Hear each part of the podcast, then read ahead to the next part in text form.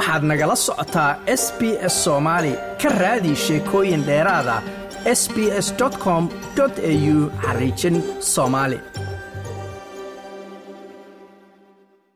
maxkamad ku taalla gobolka georgiya ayaa madaxweynihii hore trump eedeyna u soo jeedisay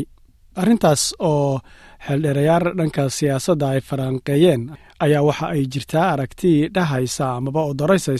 in madaxweynihii hore ee waddanka maraykanka donald trump ay suurtagal tahay in wakhti ka mida wakhtigiisa in la arko in isaga oo xabsi mudanaya oo markaana waxyaabaha lagu soo ogay laga yaabo marka inay sabab u noqdaan taasina ay sabab u ahayd arrimaha ay ka mid tahay ee lagu haystana ay yihiin iskudaygiisii doorashooyinkii waddanka maraykanka ka dhacay ee isagu markaasi uu qaybta ka ahaa iskudaygii isku dayey in uu dabagediyo. Mas'uuliyiinta aragtiyada qaba waxa ay sheegayaan in arinta lagu daba socda ee trump ee haatan georgiya weliba ka bilaabatay inay ka duwan tahay qadiyadihii hore ee markaana lagu dacweynayey iyadoo laga eegaya dhanka baaxaddeeda iyo tirada dembiyada markaasi lagu eedaynayo madaxweynihii hore in uu ka dambeeyey ama uu sameeyey iyo siddeed iyo toban kaleeto oo ka mid a tiimkiisa.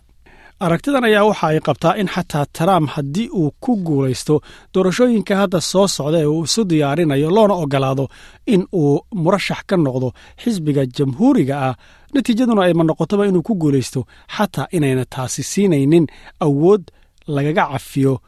waxyaabaha iyo eedeymaha haatan loo haysto. Laakiinse aragtiyada qaarkood oo ka soo baxaysa dhanka xisbiga jamhuuriga ah ayaa iyagu arrintaasi ku gacan saydhaya sheegayana in aynan dhici karin trump in markaasi wax xabsiya uu muto iyagoo u sababaynaya in eedeymahaasi wax asaasa amaba xaqiiqo ah ayna lahayn iyagoo ku eedaynaya dimuqraadiyiintu in ay arrintan ka dambeeyeen oo weliba ay u soo mareen dhanka wasaaradda cadaaladda oo iyagu ay magacaabeen mas'uuliyiintooda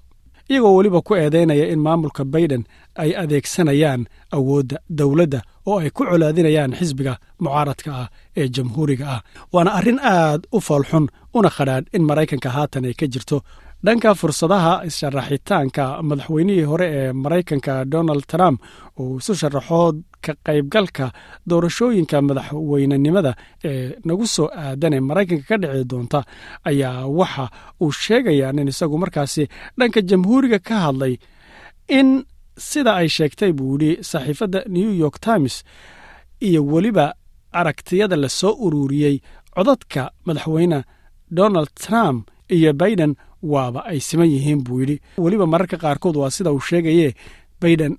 waxaaba kaga horreeya donald trump. Waxayna odarasayaan aragtiyadani in madaxweynihii hore ee waddanka maraykanka donald trump uu noqon doono ninka isagu u sharaxan xisbiga jamhuuriga ah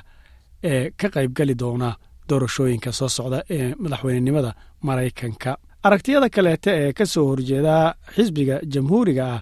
ee ay dimuqraadiyiintu hogaaminayaan ayaa iyagu fogeynaya in madaxweynaha waddanka maraykanku uu helo fursad uu murashax ku noqdo oo uu ku baratamo madaxweynenimada soo socotana uu isagu oga qayb galo murashaxnimada xisbiga jamhuuriga ah. Iyagoo ku salaynaya in trump haatan qadiyado loo haysto ayna caddaynayaan qadiyadahaasi in ay u geysanayaan dhaawac aad u fara badan. Shacabka waddanka maraykankuna arrintaasi uu si toosa oo la socon doono. Iyagoo weliba codsaday inay rajo ka qabaan in maxkamadaha ku soo aadan laga sii daayo shaashadaha telefishinka si maraykankubay dhaheen ay u aqoonsadaan una arkaan eedaymaha haatan lagu haysto inay sharci tahay oo weliba ay xaqiiqo tahay iyo in kaleete iyadoy jirto in qadiyada galitaanka koongareska waddanka maraykanka ee xoogga uu ku galay bishii janawari iyadoo ay jirto galitaan iyadoo ay jirto madaxweynihii hore ee maraykanka donald trump in loo haysto qadiyadda galitaanka koongareska bishii janawari lixdeedii labadii kun labaatan iyo kowgii iyo iskudaygii doorashooyinka markaasi isagu uu qaybta ka ahaa in uu dabagediyo oo ahayd labadii kun iyo labaatankii bishii november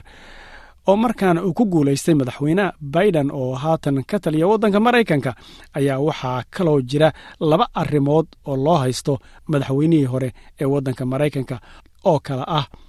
arrinta haysashada dukumentiyo aad iyo aad sir u ahaa oo uu kala baxay aqalka cad markii wakhtigiisii madaxweynenimada uu dhammaaday oo markii la baadhayay gurigiisa lagu arkay.